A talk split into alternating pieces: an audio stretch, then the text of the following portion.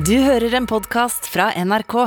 Vi har lurt litt på i hvilken ende egentlig vi skulle ta tak eh, når det gjelder det temaet som i norske medier og i europeiske medier er helt dominerende, nemlig eh, de skyhøye gassprisene.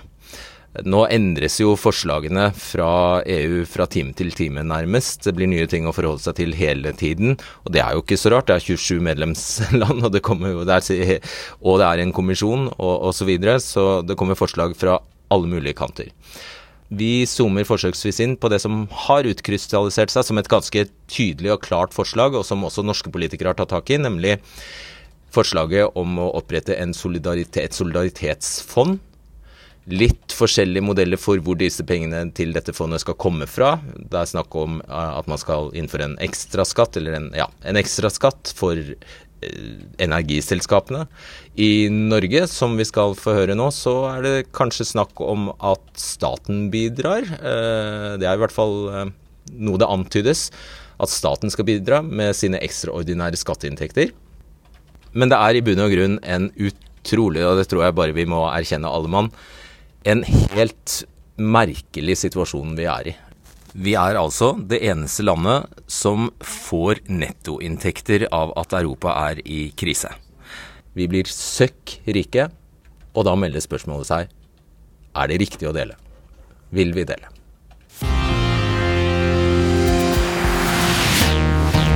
Europa har aldri trengt Norge mer enn akkurat nå. Det er norsk gass som holder liv i Europa nå.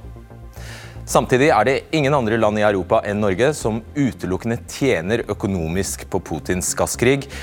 Når denne dagen er omme, har Norge tjent 5,5 milliarder kroner på salget av norsk gass i løpet av ett døgn. Og nå vokser kravet fra forskjellige kriker og kroker av et kontinent i krise. Norge må dele, lyder det.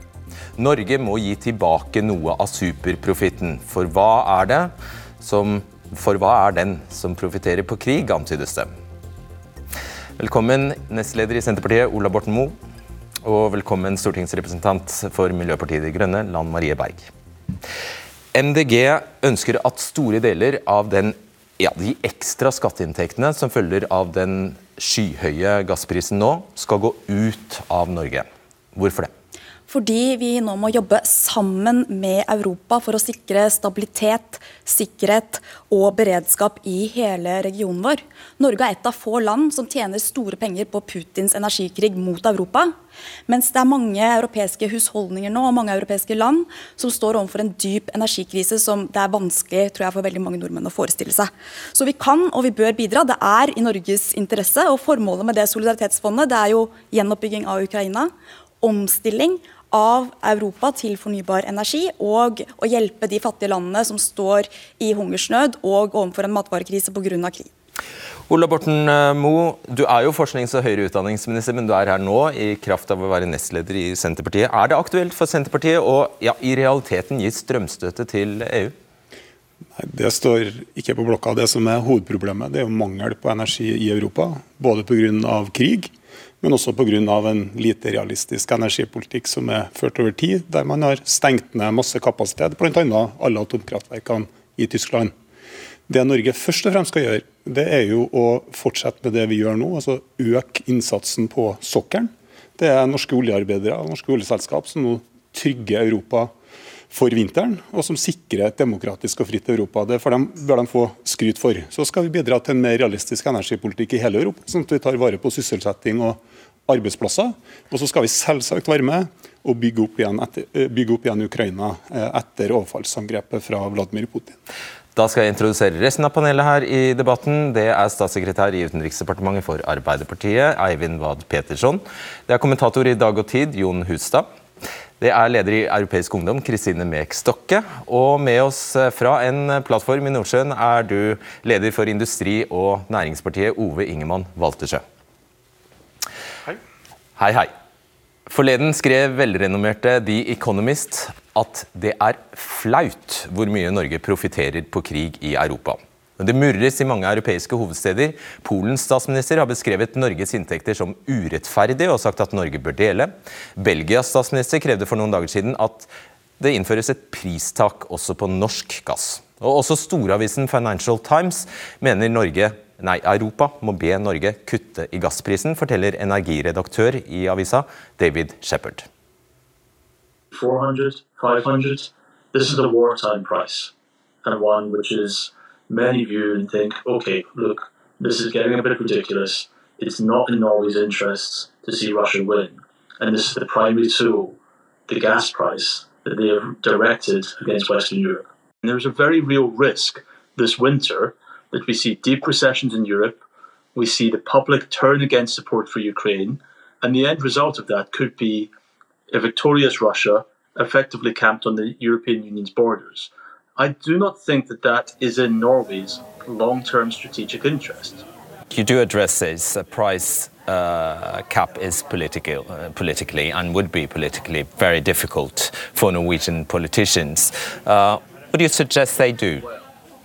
Norway, as a government, which already taxes oil and gas locally at a relatively high level, is receiving an absolutely huge windfall from what's been happening in the gas market as a result of Vladimir Putin's actions.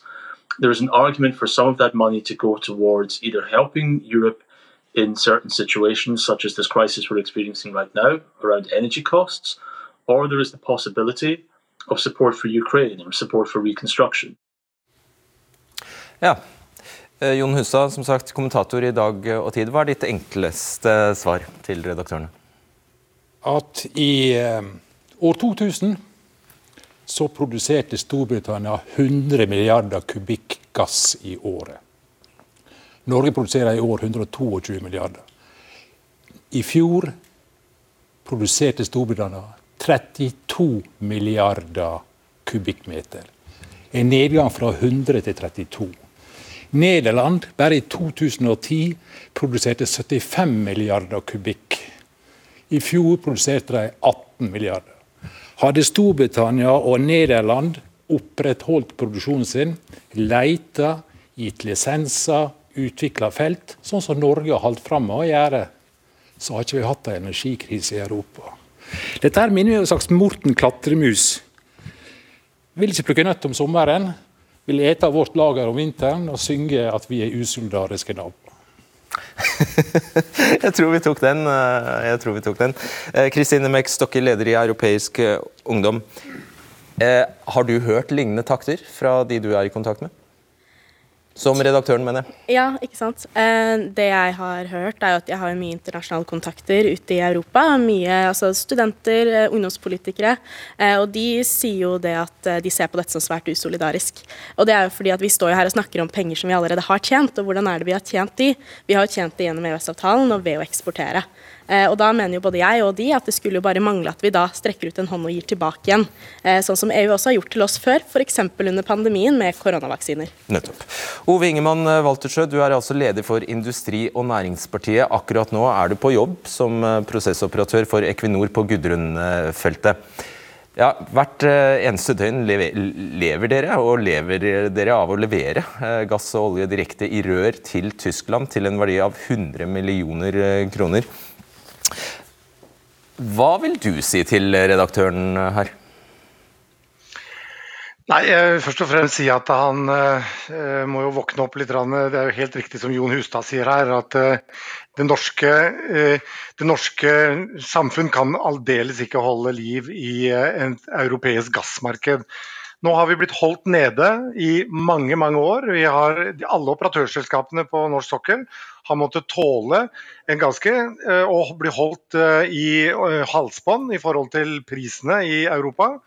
Sånn at eh, når vi nå endelig markedet begynner å funke, så skal det også, også høre det fra Financial Times her, som er markedsliberalistene eh, selv, eh, høre de si at eh, man skal plutselig nå, når markedet begynner å virke, så skal man begynne å kontrollere markedet.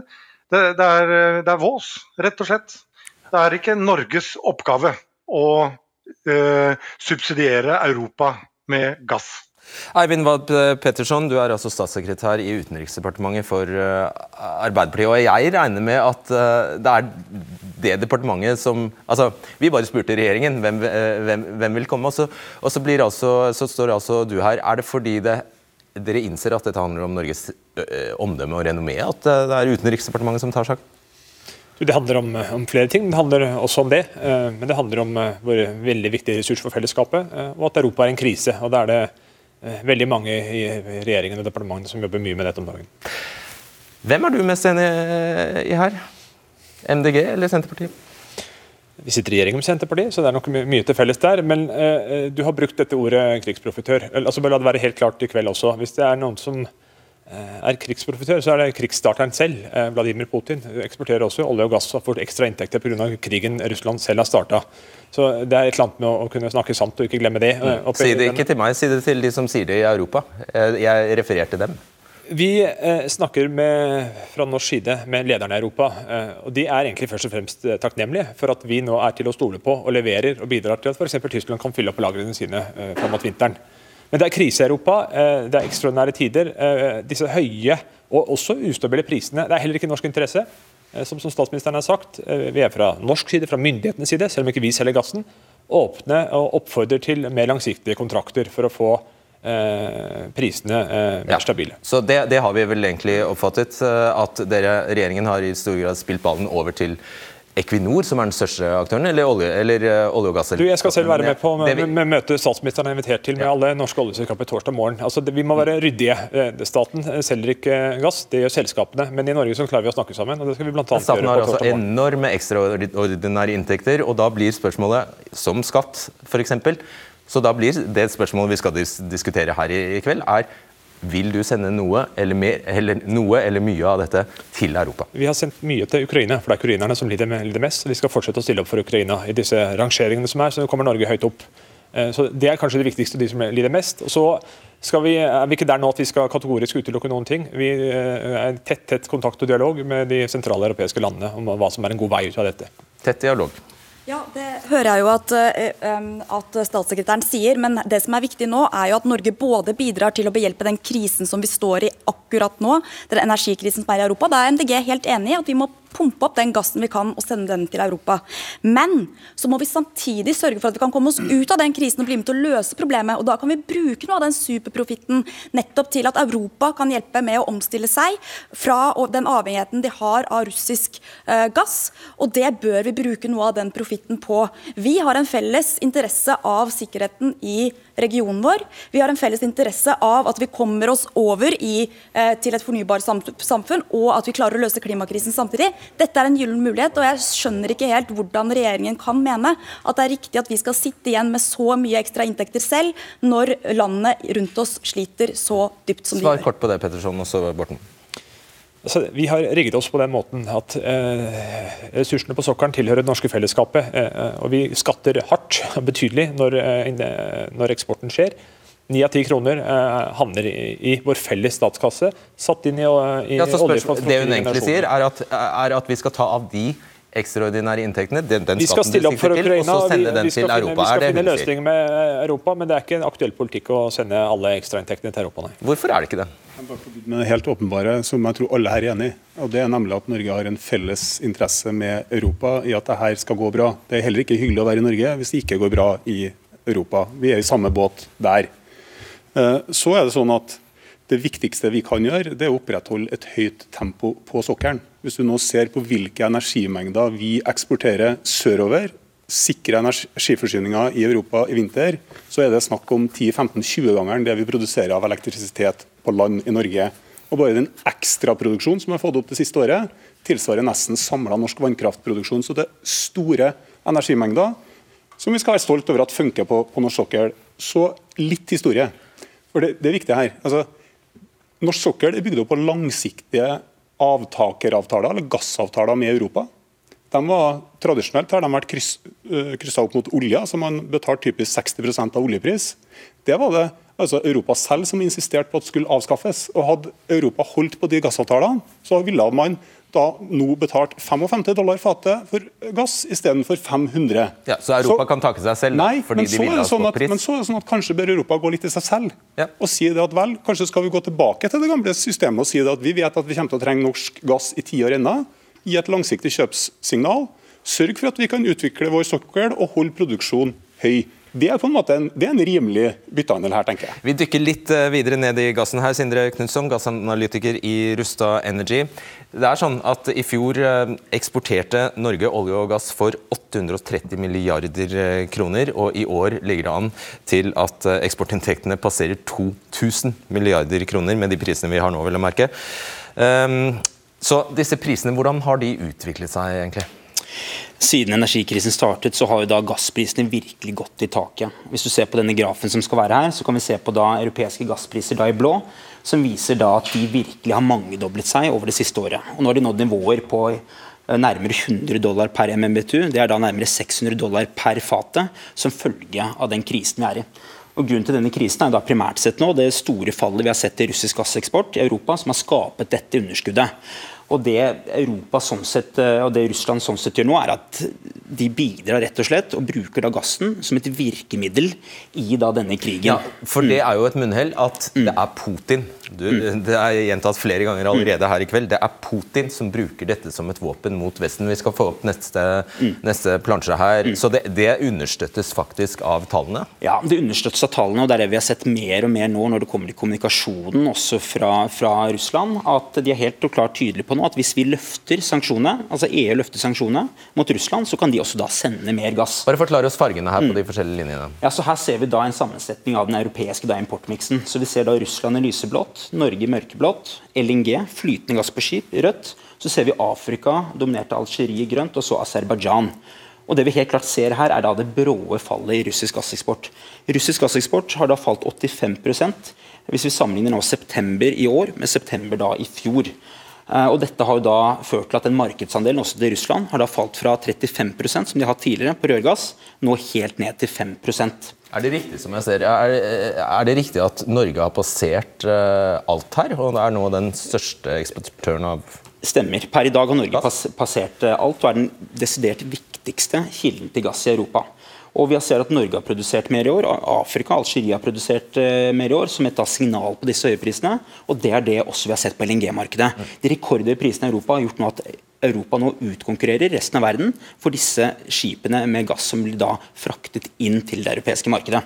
Men det er altså ikke den type gass vi eksporterer mest av i Norge. vi skal få opp neste, For det er altså gass gjennom rør. Så det... hvem er det som kjøper gassen vår? Ja, så vi kan se her På denne grafen her, så ser vi at det er da Nordvest-Europa som er i hovedsak eh, kjøperne av norsk gass. Vi ser Tyskland, Storbritannia, Frankrike og Belgia. Også Nederland, hvor gassen blir transportert videre til. Og da er det typisk da industrien, det er husholdningen og kraftsektoren som da kjøper kjøperne av norsk rørgass. Mm. Så det er kanskje ikke så rart at det var nettopp den belgiske statsministeren som ønsket et pristak på norsk gass? Det kan du si. Mm, det tror jeg jeg kan si. Mm. hva er løsningen her, da? Det er, jo, det, er, det er, jo, lagt på bordet. En, og ja. Noen er allerede forkastet. Snakk om, noen snakker om et pristak. Nå ja. er det snakk om denne avgiften på superprofitt. Hva kan løsningen være? Så Viktigst av alt er å ha tiltak som bidrar til økt produksjon og da lavere etterspørsel da, for å balansere markedet. Dette har jo da skjedd allerede via de høye gassprisene. Som sagt at Norge produserer mer, Algerie har kunnet produsert mer. Eh, og så ser vi på etterspørselssiden altså at industrien har konsumert også mindre. Fordi det, det, blir så dyrt? For det blir så dyrt. Så markedsøkonomien og markedskreftene de virker, men i tillegg vil også være behov for ekstra tiltak for å redusere etterspørselen. Og Vi ser jo også da at det er jo enkelte kjøpere som vil slite veldig nå med de høye gassprisene, og så er det noen aktører som du sier, som tjener veldig mye penger. Og, og Det er da grunnen også, som du sier, til at EU nå foreslår en støtteordning hvor at profitten da fra energiprodusentene kan da bli overført over til konsumentene. Og da er det med denne her, disse energiprodusentene som har en såkalt superprofitt, at de skal da ta deler av sin overskudd, skal bli beskattet høyere. De får da mindre inntjening. Markedsprisen blir den samme, som kan føre til mindre etterspørsel. Og denne økte da støtten, denne skatten, skal da bli overført til konsumentene gjennom da krisepakker og da økonomisk støtte til energieffektivisering. Og Det er jo tanken EU har nå. Eh, det tror jeg absolutt kan fungere i Europa. Bør Norge bidra? Eh, viktigste alt her, som også har blitt nevnt, er jo det å sikre da maksimal produksjon på kort sikt for å hjelpe Norge ut av krisen. Og så er det jo da mer politisk sett hva man skal gjøre og hvordan man skal møte disse her støtteordnene som EU foreslår. Eh, så det er veldig politisk spørsmål hvorvidt da Norge skal da kunne gjøre det samme og følge seg etter det. Det er det, så du skal slippe å svare, svare mer. Tusen takk for at du kom. Hussa, hva sier du til dette? Problemet med EUs energipakke er at EU trenger mer energi, men når de skattlegger selskapene dramatisk når de tjener penger, da lærer selskapet at han ikke kan stole på EU. Hvis vi tjener ekstra mye penger, så kommer EU og tar oss. Ergo så investerer ikke vi så mye i ny produksjon som vi kunne. Ja, for det skal vi bare oppklare en ting. Når det er snakk om energiselskaper og superprofitt, så snakker vi nå ikke bare om olje- og gasselskaper. Vi snakker om vindselskaper og de som driver med sol, og alle som driver med energiproduksjon. Helt riktig. For all energi henger sammen. Gass setter rett nok prisen, men alle de andre får gassprisen. Sånn at hvis du driver et lite vindkraftverk i Nederland, så får du den prisen som er i markedet. Hvis du driver på spot, så fikk du kanskje før 30 øre per kilowattime. Nå kan det komme opp i 3-4 kroner. De skal ta denne ekstraprofitten. Men har du da lyst til å investere i ny vind? Ja, Føler du deg sikre og trygge rammebetingelser for neste Fordi, investering? Ja, og det er der Norge har vært helt geniale. Vi har hatt de samme trygge rammebetingelsene. Pluss at det har vært krise med lave priser, så staten stilt opp i form av oljepakker, som nå bidrar til at Norge raskt får mer gass ned til Europa. Norge har vært den ansvarlige storebroren her i år etter år etter år. En solidaritetspott, eller eh, fond som det kalles, der du altså mener at eh, norske skattebetalere, eller norske eh, ja, e-, egentlig norske skattebetalere, siden dette hadde vært inntekter fra sokkelen som ville tilfalt oss, ja, og det offentlige selvfølgelig. Det kan jo høres tilforlatelig ut, men i den andre enden her, mottakerne i Europa, vil jo ikke bare være fattige husmødre i Bulgaria, det vil jo også være steinrike, adelige industrimagnater i Tyskland. Ja, det blir jo litt å sette det veldig på spissen. da, men vi må huske på at Nå har Norge en superprofitt. og Selskapet på norsk sokkel har også en superprofitt pga. de høye gassprisene på gass som vi annet da i stor grad selger til Europa. Og Når vi da får denne superprofitten, så er det bl.a. tyske og franske strømkunder som har høyere strømpris enn oss, som ofte kan ha mindre inntekt i forhold til strømprisen, som betaler for dette. og Det er en av grunnene til at Norge kan og bør bidra. Også en av grunnene til at det kommer flere og flere forventninger nå om at Norge skal skal bidra. Så det som vi mener er jo både at regjeringen bør dele ut deler av de ekstra skatteinntektene, altså det som ellers hadde gått inn på oljefondet, og i tillegg så bør vi også eh, få selskapene på norsk sokkel som nå også har superinntekter, til å dele mer av sitt overskudd gjennom å ilegge en ekstra avgift på salg av olje og gass. Oppå de 78 med skatt de allerede har? Altså avgift eh, er ja, jo Så en avgift oppå ja. skatten? Nei, en avgift er jo på omsetningen. Ja, ja, men det kommer i tillegg til skatten. skatt er jo på overskuddet, ikke sant? Ja, det skjønner jeg. Ja, så det er jo forskjellig. Men, uh, men uh, en avgift over det igjen, for å kunne ta inn noe av den superprofitten De vil og, ikke like det uansett, det var egentlig og, poenget. og, men mitt poeng er at istedenfor en makspris på gass, da, som det har vært diskutert, så er dette her en måte å ta eh, sette et tak på profitten av gass, sånn at man kan dele det ut f.eks. til det solidaritetsfondet som EU nå ønsker å opprette, og som Norge bør bidra inn i. Vi ser du rister kraftig på hodet, Ove Ingemann Waltersjø. Ja, det her er jo kjente toner fra MDG. Alt skal løses med avgifter, og alt skal Norge bidra med uten at noen skal komme tilbake.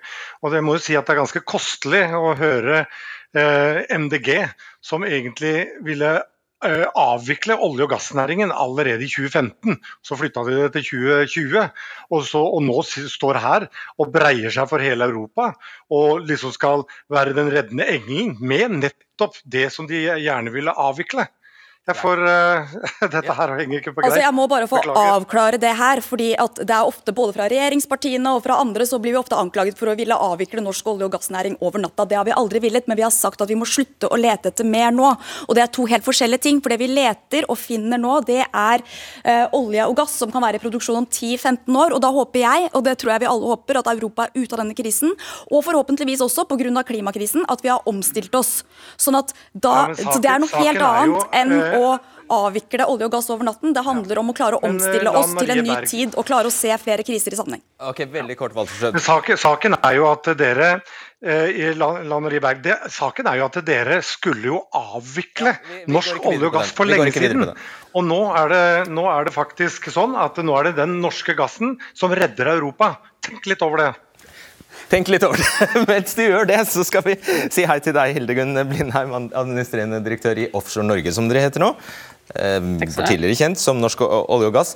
Eh, vi vet jo at eh, vi har fått med oss at den aller mest høylytte praten nå om pristak, den har også lagt seg noe i EU, virker det som. Nå snakkes det om en avgift som skal ilegges energiprodusentene, hvor da ja, man skal ta superprofitten, som Hustad nevnte her. og og overføre disse inntektene til husholdninger og, og bedrifter. Eh, vi går rett dit. Hvis da EU innfører en sånn skatt, og når den norske regjeringen også innfører en sånn skatt på norsk sokkel, hva gjør Equinor da? Ja, men nå er det jo det som er så vidt blitt nevnt tidligere. Vi har allerede en superprofittskatt her i Norge. Sånn som skattesystemet er, så betaler selskapene 78 av overskuddet. I tillegg så får også staten, som eier da 67 av Equinor, eh, eh, inntekter fra det. De har også direkte eierskap gjennom Petoro i lisensene. Så omtrent 9 av 10, nesten ni av ti kroner som kommer inn eh, fra superprofitten fra olje- og gasselskapene, går allerede til fellesskapet. Det er ingen andre land i Europa som har den type skattelegging på olje- og gasselskapene. Så vi har allerede superprofitt, vi. Ja, så eh, Svaret på spørsmålet om hva er, Equinor eller hva dere gjør, det er eh, dere bare nekter? eller? Ja, nei, eh, Jeg tror ikke vi kommer i den situasjonen, for vi har allerede så veldig høy skattebelagt sektor allerede. Nettopp fordi vi hadde politikere på 70-tallet som sørget for det. Spør litt annerledes da, hvis det Er sånn at, altså, er dere i, i, Offshore Norge åpne for at noe av disse 78% med skatt, altså, og nå er det jo ekstraordinære inntekter, at de kan sluses videre til Europa?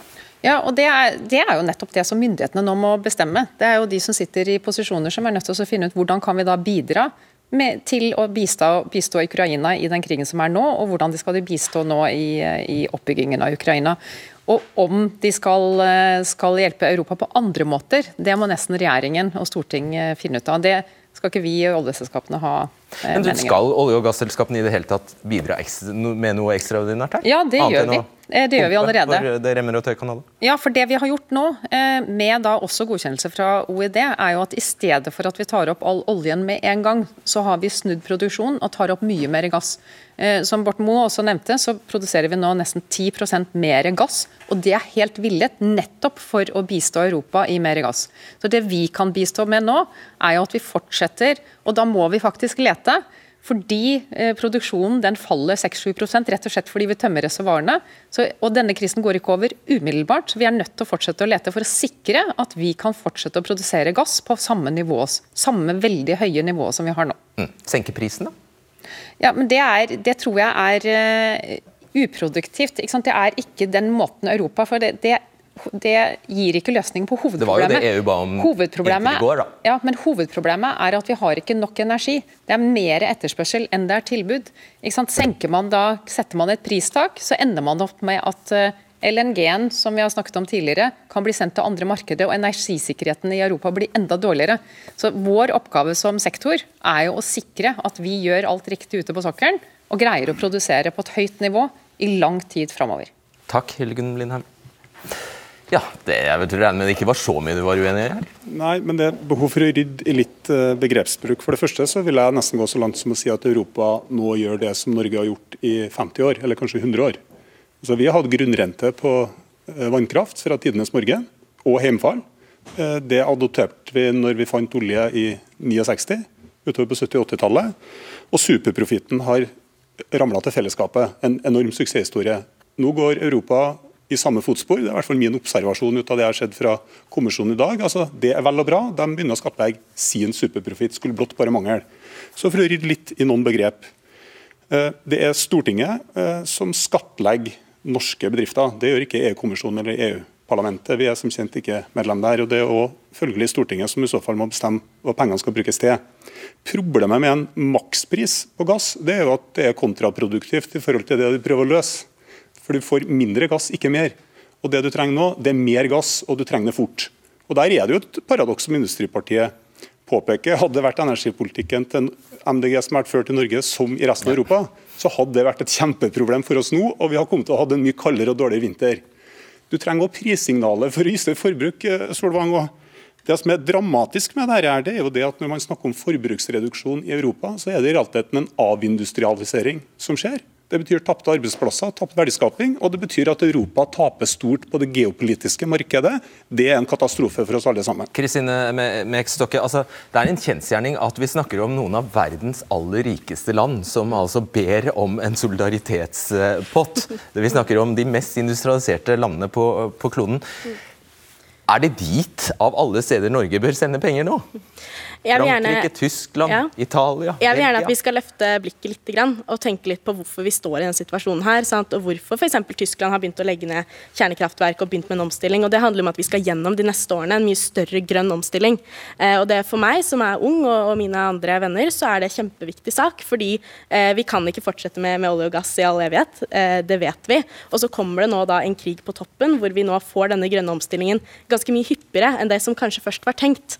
Eh, og når vi da får det, så mener jeg at det er helt riktig at vi skal eh, bruke av den profitten som vi tjener eh, på en ganske svart industri, på olje og gass, og gi det til, til Europa, sånn at vi kan sikre ja, men da stabilitet. oppstår det paradokset jeg, jeg, jeg, jeg påtaler her, at da gir, du, da gir altså Norge, sender Norge penger til noen av verdens rikeste land. Men det går jo også til enkeltmenneskene i disse landene, og jeg syns det er naivt at vi tenker at vi ikke er så avhengige av resten av Europa som det vi er. fordi det at enkeltmennesker har god økonomi i Europa, det at bedrifter i resten av Europa går bra, det er noe som Norge absolutt trenger for at bedriftene her hjemme også skal gå bra. Jeg tror det er verdt en refleksjon fra et etisk perspektiv. Altså, jo, men Skal vi sende penger til rike mennesker eller til fattige hvis vi først skal gjøre det? Da ville jeg kanskje gått for Ukraina, jeg ville gått for Afrika, jeg ville gått for dem som jeg vet trenger mye mer hjelp enn Tyskland, Frankrike, Italia, Belgia. Men det første EU må reflektere over, er hva de sjøl holder på med. Nederland har et felt som heter Groningen. I morgen kan de slå på produksjonen og øke den over natta til med 20 milliarder ekstra kubikk med gass. I løpet av kort tid med 30 milliarder kubikk ekstra med gass. Hvorfor gjør de ikke bare det? Fordi det er lokale små jordskjelv. Innbyggerne der liker ikke det. Det er ikke så veldig mange innbyggere. Ja, skjønner du det. Men akkurat i en sånn situasjon som nå, når de kan bidra med like mye som skulle komme gjennom Nord Stream 1, det kan Nederland få til her og nå. Og når Tyskland legger ned 25% av sitt kraftkonsum i form av helt ren atomkraft, og når Frankrike har gitt familiene der en makspris i året på 10 000 kroner i kraft, som er mye lavere enn den norske, og så skal vi gi Frankrike penger det henger ærlig talt ikke på greip. Vi skal gi, jeg vil heller gi 1000 milliarder kroner til Ukraina enn 1 milliarder ekstra kroner til EU. Jeg tror du skal få svare kort på det, og så skal du få slippe. Ja, men vi må huske på at vi står i en situasjon her hvor Norge får super, super profitt på, eh, på grunn av krigen som Putin har startet mot Ukraina. Det er en ekstraordinær situasjon som også setter Europa i en ekstraordinær situasjon og en energikrise. Det er en helt annen type krise enn det vi står i her i Norge. Der står byer i Europa og lurer på om de må gå i svart i løpet av vinteren. De innfører tiltak som vi i Norge, ikke, som regjeringen ikke har vært inne på engang. som ser, som vil oppleves som superradikale fordi de er redde for å ikke ha nok energi. Samtidig så står vi og tjener mye penger på det. Selvfølgelig så bør vi nå bidra til den omstillingen. Ja, men han påpeker at det er jo, altså det er jo energi- og matkrise mye mer prekær andre steder i verden. Ja, og det jeg har sagt er at i tillegg så bør jo vi bruke noe av den superprofitten til å hjelpe de som står i hungersnød på Afrikas Horn, bl.a. som følge av økte matvarepriser som følge av krigen i Ukraina, men også klimaendringer. Og vi bør bruke det til gjenoppbygging av Ukraina. Det er det som MDG har gått inn for, og som vi fremmet på Stortinget i vår, og som vi vil fremme igjen. Men, men det vi må huske på nå er at, og dette er et viktig poeng, vi har vært gjennom en pandemi. Vi har nå krig i Europa, det er inflasjon, det er økende priser. Mange her i Norge sliter, men mange i verden sliter enda mer. og I tillegg så har vi klimakrise, flom i Pakistan, vi hadde flom i Europa i fjor, tørke over fire kontinenter. Vi står i en situasjon der vi risikerer å møte krise på krise på krise. og Hvis vi bare tenker kortsiktig og løser krisene her og nå, så klarer vi og ikke klarer å tenke langsiktig og samtidig løse klimakrisen og naturkrisen, så vil vi kunne stå i krise på krise på krise også framover. Derfor så må løsningene på de, derfor så må løsningene på de utfordringene vi står i her og nå, være med på å løse klimakrisen. Og dette her er en sånn løsning. Vi kan bruke noe av den super, superprofitten som vi får av, på salg av gass til Europa, okay. til å omstille Europa. Det løser ingenting, det er det som er problemet. Europa mangler energi. Nettopp derfor kan vi få penger til å få mer fornybar energi. Hvis vi gir dem 1000 milliarder kroner, så blir ikke det én ekstra kalori med energi. De kan trykke penger, de kan gjøre mye rart, men de trenger energi. Og energi er noe som MDG har prøvd å nekte dem å få fra Norge i mange år. Allerede i 2001 så kom det første MDG-vedtaket om å avvikle norsk Ah, okay. la, oss ikke, la oss ikke fortsette. Men bare for lov- for, få Den lov er jo uendelig, den diskusjonen. Ja, la, hvis jeg får eh, lov. Altså, eh, Energikrisen Europa står oppe nå må løses både på veldig kort sikt, mellom, mellomlang og lang sikt. Så skal vi heller ikke glemme Det er ukrainerne som har det verst, og de skal få uh, vår støtte. Men som Ola Borten Moe godt sa tidligere i kveld, det er ikke norsk interesse at det går dårlig med Europa. Eh, nå kan det virkelig gå dårlig med Europa. Når eh, tysk eh, bilindustri må legge ned, så er det leveransebedrifter i Norge som får problemer, og arbeidsplasser som går tapt. Så eh, nå skjer det veldig mye eh, i EU fra time til time, dag til dag. Eh, Norge eh, og regjeringa skal være medspiller. Nei, nei, det er mer enn som så. For her er vi eh, på, på, Når det gjelder energi og gass, så er vi ikke noen hvem som helst. Eh, vi har sett grafene. Norge spiller en svært svært viktig rolle. Vi skal være en medspiller og, og, sørge for at eh, gjøre vårt for at Europa kommer gjennom dette her.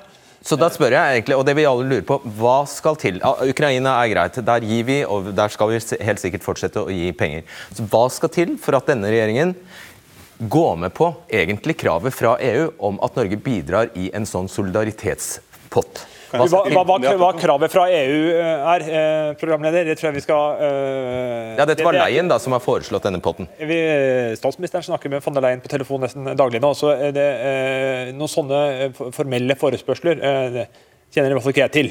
Men Kan du ikke si noe om, litt sånn generelt om hva som skal til? Altså, hvilke, det er så mange ulike hvilken situasjon som skal oppstå for at Norge vi vil det? Om, om, om denne her, eh, ekstraprofittskatten, som, som det i og for seg hvis det skal komme ekstra skatt eh, i EU på energiselskaper, så er ikke det noe verken EU-kommisjonen EU-parlamentet kan bestemme. For skattlegging det er nasjonalstatenes ansvar. Så vi må, rydde her, og så har vi EØS, men dette er veldig mye på, på, på utsida av EØS. Men det er, eh, det er veldig mange eh, ting som, eh, og forslag som verserer. Eh, Føler du selv at du er i en vanskelig posisjon når du egentlig Nei, nei, ikke kan men- svare noe? Nei, men altså, det er, jeg tror vi vil, vi vil vite veldig mye mer i løpet av ganske få dager. Ja. Altså, jeg vil bare si at Europeiske skattesystem det er det åpenbart. sant? Altså, det er jo europeisk, det gjelder for Europa. Det jeg har lyst til å si for å være da konstruktiv og kanskje ta debatten litt videre, altså det Norge etter hvert har veldig mye av, og som vi kommer til å ha mer av, det er jo kapital gjennom uh, oljefondet. Vi er allerede en av de største investorene på det europeiske markedet. Jeg tror vi er noe sånn som 2% av alle aksjene i Europa. 1% av alle aksjene globalt. Eh, Egenkapitalforholdene kommer til å bli en knapphetsfaktor fremover etter hvert som selvpressene nå slår, eh, slås av og renta og pris går opp. Og Da kan man jo se for seg at Norge bruker noe av den kapitalen, selvsagt på kommersielle vilkår, til å investere i både grønn omstilling i Europa, hvis det skulle være etterspurt, ulike former for infrastrukturprosjekt, og selvsagt også gjenoppbygging i Ukraina. Ja, men det regner jo med at Tangen og de allerede gjør og vet. Ja, Ja, La oss håpe det, eh, hvis det er god butikk i det. Eh, Ok, Waltersjø, jeg ser du har, du har fingeren oppe. Ja, jeg først og fremst si at eh, jeg tror eh, MDG-representanter her bør følge med litt i Når Rystad var her inne med grafer i stad, så, så, så var ikke det eh, akkurat grafer som bare viste noe som var begynt etter at Putin gikk til angrep på, på, på Europa. Gassprisene de økte lenge før den tid. Det begynte allerede i 2018-2019, så var vi i gang. Det er to år før, før krigen. Men jeg er helt enig med, med, med Ola Borten Moe, som sier at eh, vi har en del underinvesteringer i dette landet.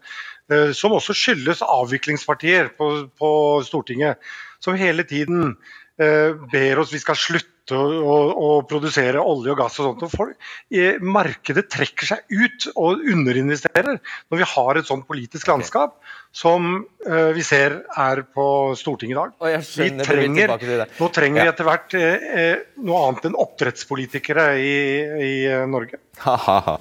Ok, eh, Stokke, det er, eh, mange, jo, mange som ser på nå, vil jo tenke det er da jaggu ikke Norges oppgave å støtte Tyskland og sende penger til Tyskland når det er Tyskland som har gjort seg totalavhengig av gass. Det vi, ser nå er jo, ja, det vi ser nå, er jo at uh, vi, vi, går inn i en grønn omstilling. Og vi ser at vi får krise på krise på krise som rammer flere land enn bare Norge, og som rammer Europa og rammer verden. Og da, Det som er problemet her, er jo at vi er jo faktisk ikke medlem av EU, hvor vi faktisk kan sitte og diskutere disse sakene og på bordet. Ja, men altså, Regjeringen her blir jo sendt ut på gangen når de skal diskutere viktige problemstillinger i EU. Så jeg mener at det første vi må gjøre, er jo faktisk å kunne sitte på samme bord og kunne diskutere på samme vilkår.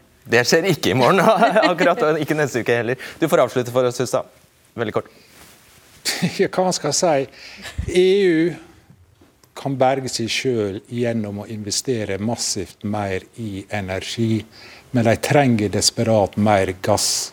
Det er selve grunnstamma i EUs system. 92% av husholdningene i Nederland får all sin varme fra gass. Uten Norge så hadde det vært veldig, veldig kaldt. Takk for oppmøtet, dere. Takk. Og I morgen skal EU-kommisjonen altså legge fram sine tiltak for å håndtere energikrisen. Og i overmorgen skal statsminister Støre, som Petersson sa, møte selskapene som selger gass fra norsk sektor. Så dette var helt sikkert ikke siste gangen vi diskuterte hvor vanskelig det er å være rik. Og hvor mye rikere, lurer du kanskje på, der du sitter og sparer på strømmen? Jo, i løpet av de 40 minuttene debatten har vart nå, tjente Norge 105, over 150 millioner kroner på salg av olje og gass. God kveld.